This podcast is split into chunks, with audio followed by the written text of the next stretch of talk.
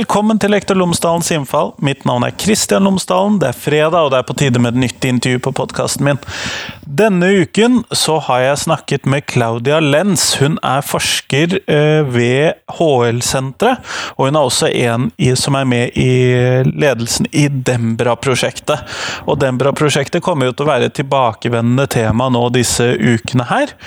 Eh, rett og slett fordi at jeg fikk gjort kjempemange spennende intervjuer i løpet av Dembra-konferansen, slik jeg tidligere har fortalt om. Eh, I tillegg så har Claudia Lenz sittet i den læreplangruppen for de tverrfaglige eh, temaene som skal inn i læreplanene nå med fagfornyelsen.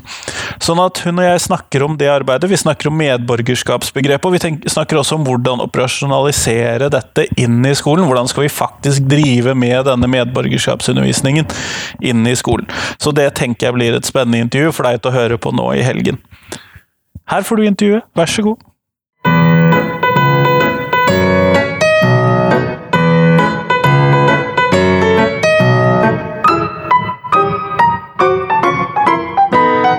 Claudia Lenz, tusen takk for at du har tatt deg tid til meg i dag. Før vi starter dette intervjuet, kunne du ha fortalt lytterne mine tre ting om deg selv, sånn at de kan bli kjent med deg? Mm.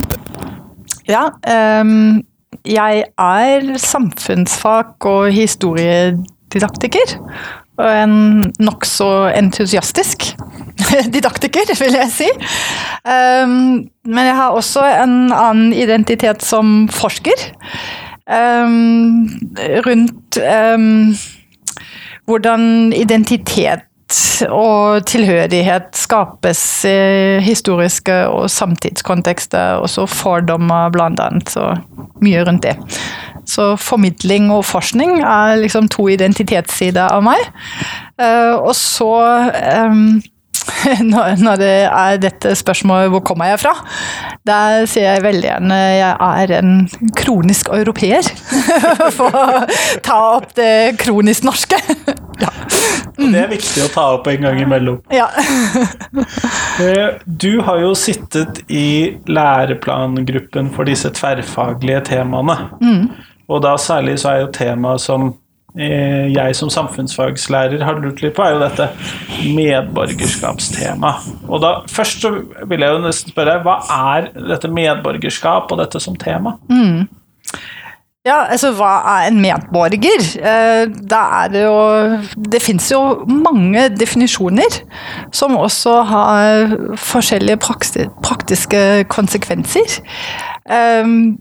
Eh, jeg vil si at den felles kjerne i medborgerskapsbegrepet er det å være en del av et genuint politisk fellesskap. Så det politiske, det er en kjerne.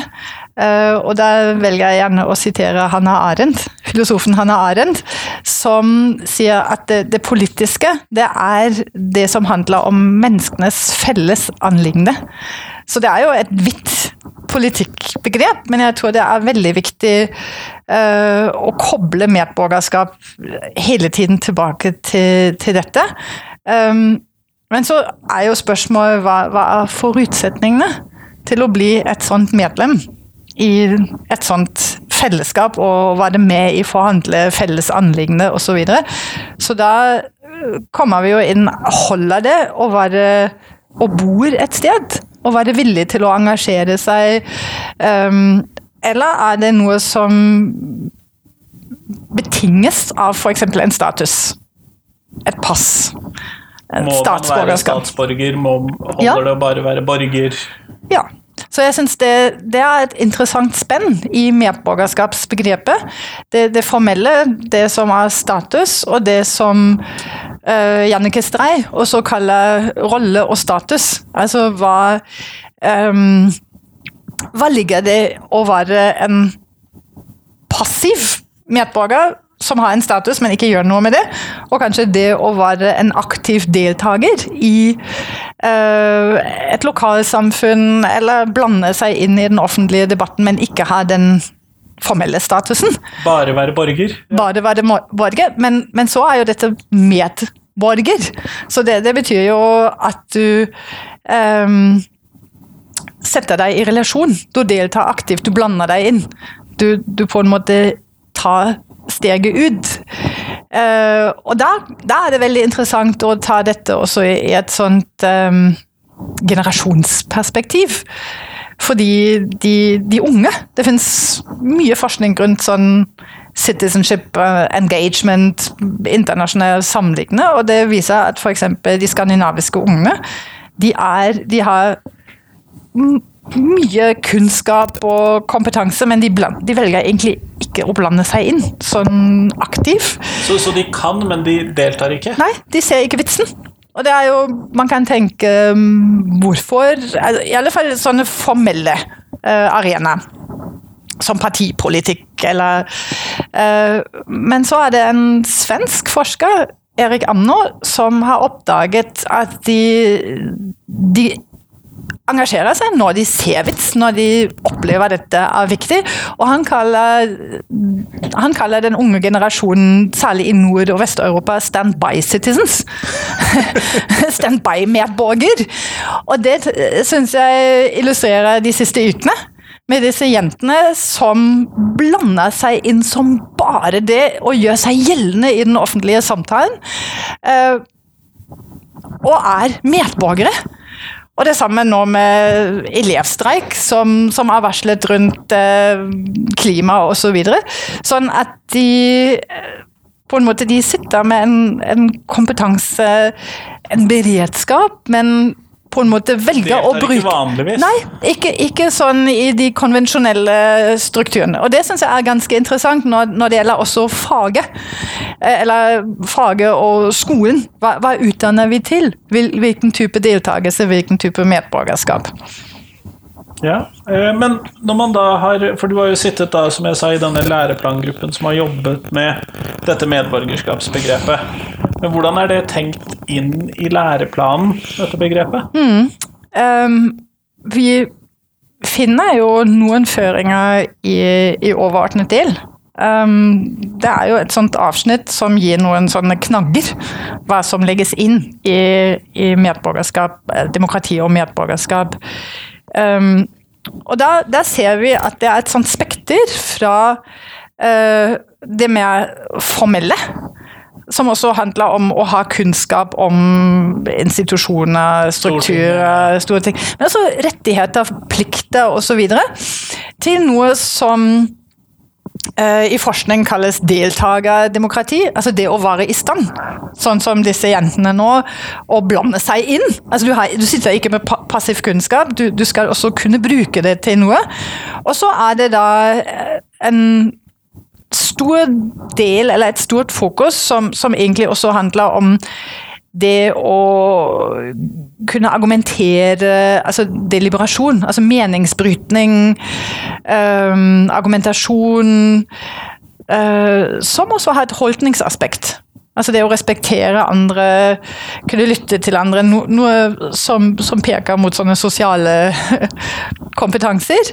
Uh, så, så her har vi forskjellige, forskjellige dimensjoner av medborgerskapsbegrep eller forståelse som vi ser um, ligge i overordnet del. Og det er jo ganske interessant. Hvordan operasjonaliseres dette inn i, i fagene? Er det da på en måte Handler dette om kunnskap som skal formidles? Handler dette også om arbeidsformer? Altså det å trene seg i Skal vi, skal vi plage avisene med alle de tusen samfunnsfagselevene som, som skal skrive innlegg og kronikk? Side eksploderer. Ja, og, og det det som er interessant, det som vi i tverrfaglig gruppe har sett litt på, det er jo at det ikke blir slagside mot den ene eller den andre forståelsen. Uh, tidligere hadde vi en veldig slagside mot kunnskap, kunnskapsformidling, som veldig gjerne blir sånn tørr dødt kunnskap om det politiske systemet.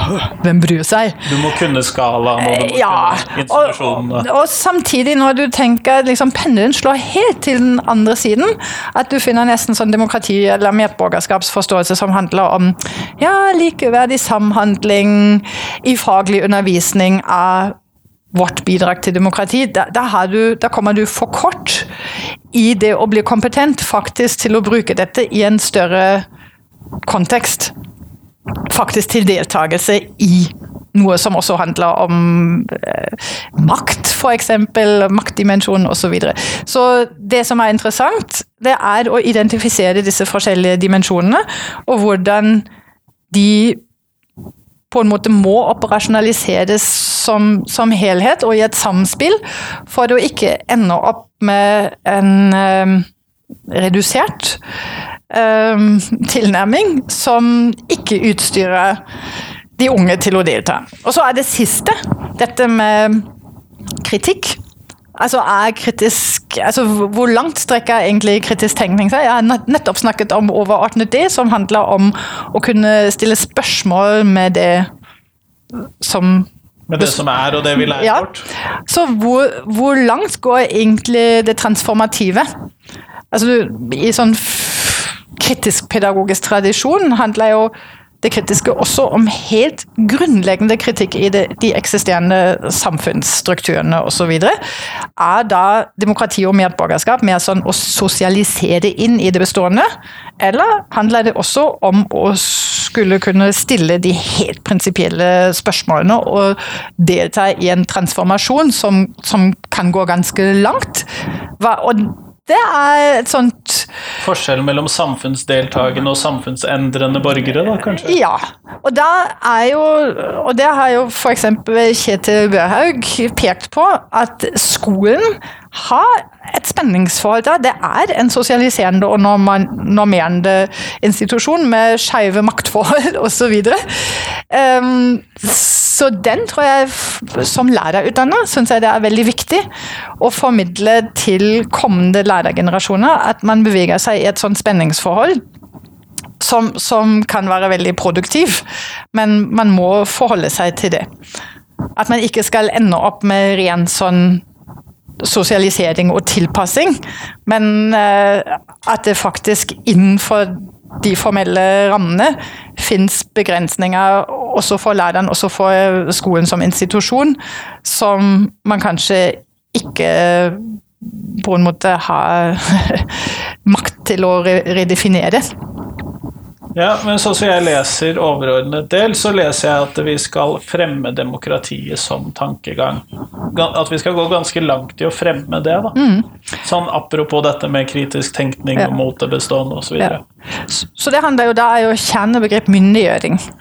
Ikke sant? Den myndige eleven. Og det ligger da også i alle tre tverrfaglige temaene Badekraft og demokrati og livsmestring. Eh, så ja, livsmestring handler også om personlig økonomi, og, men det handler også om myndiggjøring og faktisk være, kunne være en aktiv deltaker, f.eks. i den forhandling om identitet, tilhørighet, være seg sjøl. Eh, så det å ha majoritets-, minoritets-, maktdimensjonene også inn i, i dette, syns jeg f.eks. er veldig viktig. Så det å se de um, det som demokrati- og medborgerskapsfokus, som myndiggjøringsfokus, innebærer, det strekker seg inn i de to andre tverrfaglige temaene også. Det kan jeg se. Det kan jeg se. Men når vi da skal Eh, undervise dette temaet da, i skolen, så må vi jo klare denne operasjonaliseringen som du har snakket om tidligere.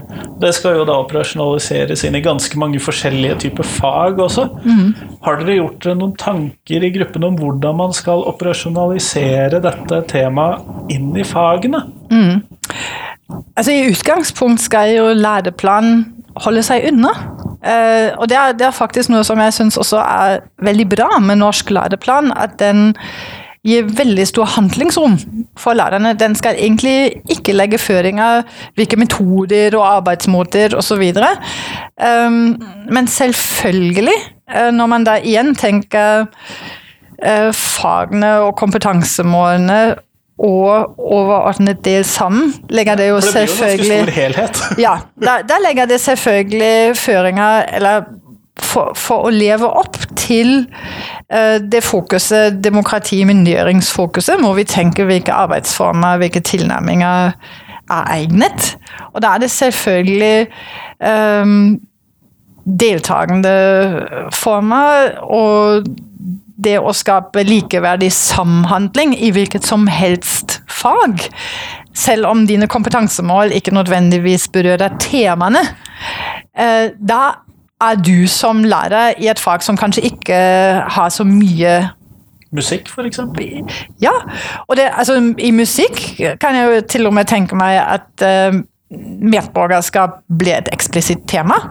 Fordi musikk har vært uh, veldig viktig i samfunnsendringsprosesser. Uh, altså, all, all kulturproduksjon har vært en pådriver, aktiv del i samfunnsendringsprosesser. Og jeg tror den bevisstheten kan elevene gjerne få med seg når de lærer et sånt fag. Men uh, la oss nå tenke, fordi det, vi har ikke sett læreplanutkastene, uh, at kompetansemålene ikke forplikter. Uh, faglærerne til dette er det jo veldig fint for dem å ha disse dimensjonene med seg. hva hva bidrar mitt, fag, mitt fags tenkningsmåter, metoder, begreper inn i en kompetanse som handler om å være en medborger. Ja. Å være et ansvarlig individ. For her berører du egentlig et tema som har dukket opp veldig ofte når vi har snakket om disse nye læreplanene, og det er eh, men temaet mitt mangler. Eh, det, det, ikke, det, står ikke lenger at vi skal ha med dette og dette og dette og dette. og dette. Mm. Eh, så der berører du jo noe ganske viktig ja. i den sammenhengen. Jeg tror det er faktisk en, en ganske ganske vanskelig og risikabel overgang fra uh, La oss si uh, læringsmåltenkning til kompetansemål eller kompetanseorientering. Og i teorien har vi jo hatt kompetanseorientering hele tiden, K06 osv., men i realiteten har vi havnet sånn halvveis. Med ganske detaljerte ja. mål. Så, så skal vi ta spranget mot kompetanseorientering, må vi ha tillit til lærerne at de kan. Lærerne, ikke bare individuelt, men også skole, skolens læreplanarbeid osv. At de kan fylle Skolen som et åpnere, Ja. Lærende profesjonsfellesskap, som det nå heter så fint. At de kan fylle dette med relevant innhold. Men i de utkastene som vi har sett i høsten, har antageligvis um, det gått litt for langt å være innholdsfattig. Man må kanskje, og det regner jeg med kommer, uh, indikere litt tydeligere i det minste kunnskapsområder, om ikke kunnskapsmål. Uh, men da gir det jo mulighet å, å lage også lokalrelevant innhold i de fagene. Og jeg tror det er faktisk noe som som kan bidra til å motivere elevene veldig når det kunnskapsinnholdet også tilpasses med lokal relevant stoff. Altså, la oss si vi, vi har um, I historie uh, har vi litt sånn åpen at dette skal handle om ideologier. Ikke den ene, men er det, er det noe akkurat liksom i det lokale eh, lokalmiljøet eller en samfunnsdebatt som gjør det helt superaktuelt å, å fokusere, vinkle dette mot en bestemt ideologi. Man kan koble dette til avissaker eller TV-programmer. Det er jo smekk mye mer relevant. Og, og, og kan den, oppleves nærmere og mer nærmere. viktigere for elevene, kanskje? Ja. Så, så risikoen er, som, som, mange har pekt på, det blir litt sånn random og tilfeldig. eh, men da tror jeg også um, Jeg har litt ikke litt, jeg har ganske stor tillit også at uh, kompetente lærere kan fylle med åpne kompetansemål med, med, relevant innhold, som da kompetanse innebærer kunnskap og ferdigheter. Det er, det er, en annen kritikk som har kommet. Det blir kunnskapsløst, og det er bare ferdigheter. I kompetansebegrep er det helt klart. Det er kunnskaper og ferdigheter i samspill som, han, som setter den enkelte i stand til å håndtere kjente og ukjente utfordringer, som det heter. Så, så, når vi holder oss til dette, eh, er det ikke snakk om å bare velge litt ferdighetstrening. Du, du, skal legge til rette for det da samspillet. Men som sagt, det er, eh, det er en, en risikabel overgang. Og mange sier jo, da kommer lære lærebøkene til å styre alt. Og det kommer, det kommer, det nok til å gjøre. Men det gjør de jo kanskje allerede i dag? Ja, det, det gjør de dessuten også allerede i dag. Men, men jeg, tror må man, man må, jeg tror man må faktisk satse stort og investere i faktisk en sånn kompetanseheving og god oppfølging i det der lokale læreplanarbeid. Så er jeg ikke så pessimistisk. Det er jo godt å høre.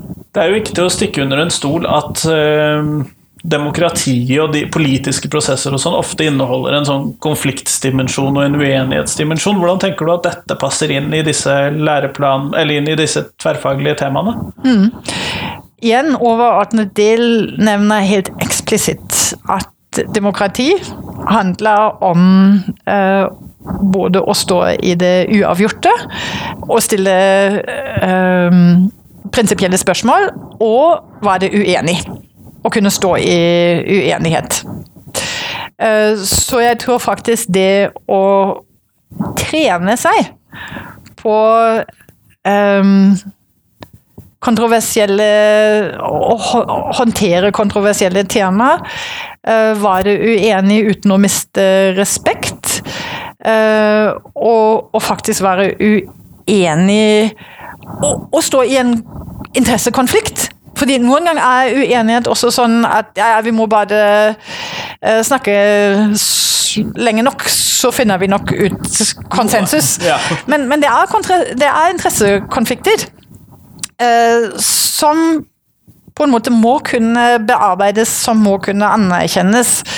Uh, og da er jo både en sånn kompetanse når det gjelder sånn kritisk tenkning uh, Perspektivtaking, sette seg inn i andres argumentasjon og perspektiv. Men det er en sånn sosial kompetanse og holdningsdimensjon, nemlig dette å være uenig uten å utdefinere den andre. At vi fortsatt kan være venner eller fortsatt kan leve sammen selv om vi er uenige. Og vi kan, og da går vi tilbake til hva er medborger. Fordi medborger er ikke nødvendigvis venn. Og i alle fall ikke kjæreste. Ikke sant? Altså, det, det er igjen Hanna Arendt eh, som sier det er en viss avstand mellom medborgere. Som, som også setter oss i stand til, til å anerkjenne ganske prinsipielle forskjeller, men anerkjenne den andre som likeverdig i den her prinsipielle forskjelligheten. Hvis vi krever at vi til slutt må være veldig harmonisk sammensveiset, da på en måte ender vi opp i noe som er umulig, og som også ofte ender det opp med å utdefinere noen, fordi de passer da ikke inn i et sånt antatt harmonisk og homogent fellesskap. Så jeg, jeg tror faktisk eh, det å jobbe med, med, mangfold og normkritikk, og det å jobbe med, med demokrati og det å, å kunne håndtere uh, meningsbrytninger på en mer konstruktiv måte, det hører veldig sammen. Så personlig syns jeg gjerne at man kunne beholdt uh, eller videreført Ludvigsen-utvalgets forslag om at det flerkulturelle også skal være et uh, tverrfaglig tema. For, fordi jeg tror mange av de kompetansene, eller altså både holdningsaspektene og det å kunne uh, reflektere kritisk over mine egne forutsetninger, ikke ta for gitt det som du antar er normalen osv., er veldig viktig inn i det demokratiske. Kjempeflott. Du, Vi går mot slutten av podkastintervjuet, og da har jeg et fast spørsmål. Og det er Hvis du skulle lage et nytt fag i norsk skole, og du skulle gi det et navn og du skulle fylle med et innhold, og da lurer jeg på hva ville det faget være? Da må jo jeg være veldig sånn spoiled spot og skuffende. Eh, svaret er jo jeg vil ikke ha et nytt fag. Jeg vil ha konsekvent tverrfaglighet. Det er kanskje ikke så overraskende. Eh, men jeg syns faktisk eh, Jeg syns faktisk den Jeg syns ikke vi skal Ikke alle fagene skal gå i oppløsning. Jeg syns det som ligger i kjerneelementtenkning, er veldig fint. Altså ha en sånn bevissthet rundt hva er, fagenes, hva er fagets egenart. Uh, hvilke begreper, metoder, tenkningsmåter osv. Men det å utfordre i større grad fagene til å tenke hva bidrar vi med disse, med disse aspektene inn i det å løse de store samfunnsutfordringene, det tror jeg kunne man pushet konsekvent litt, litt lengre. Så heller det enn å finne på noe nytt faglig sett. Kjempeflott. Tusen takk for at jeg fikk prate med deg i dag.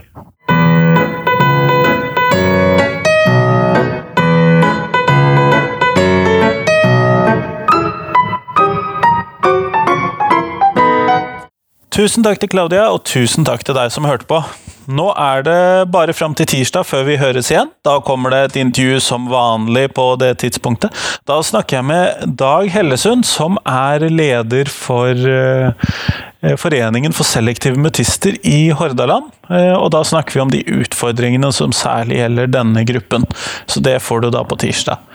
Men fram til da så håper jeg at du kan dele podkasten min med noen. Og så kan jeg fortelle at jeg allerede har fått mine første to abonnenter på podkasten på Spotify. Så spre gjerne også podkasten via Spotify hvis det er noen du kjenner som kanskje har lyst til å høre en episode, eller har lyst til å abonnere på podkasten. Om man abonnerer via iTunes, Spotify, Soundcloud eller via andre podkastapper, spiller ikke så stor rolle, men jeg vil bli veldig glad for alle som abonnerer på podkasten. Men da høres vi på tirsdag. Hei, hei!